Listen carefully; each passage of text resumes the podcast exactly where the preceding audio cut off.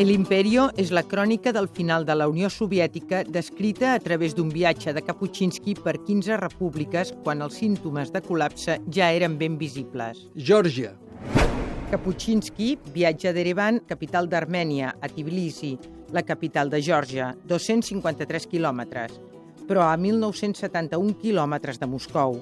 Comparat amb Armènia, diu el periodista, Geòrgia representa la riquesa, cases millors i més vistoses, vinyes més grans, ramats d'ovelles i vaques i l'esperança de temps millors. Bordeamos impresionantes precipicios, abajo rápidos arroyos, arriba cúmulos de nieve hasta que en un momento, al salir de una curva, topamos con un control de frontera, el ejército, los rusos.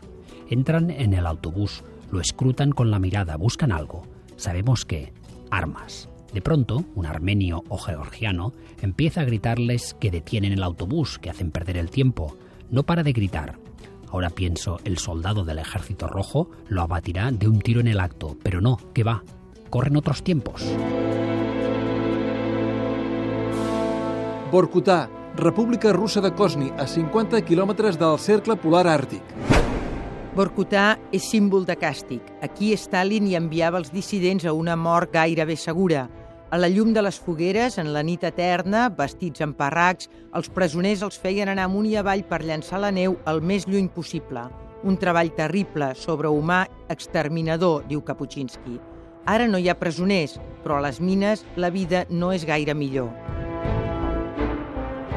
La mina Komsomolskaya, paredes cubiertas de hielo, torres cubiertas de hielo, haces de luz casi imperceptibles y debajo de los pies un barrizal negro. Mujeres distribuyendo vagonetas, levantando y bajando palancas, traviesas, postes. ¿Quieres hablar con ellas? me pregunta Gennady Nikolaevich. ¿Pero de qué hablar? En derredor no hay más que frío, oscuridad y tristeza.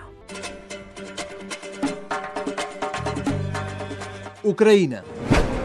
Kapuscinski viatja a Kiev el 1990. Han passat molts anys des de la gran gana dels temps de Stalin, però el periodista pensa que el país no aconseguirà mai treure's de sobre aquell patiment.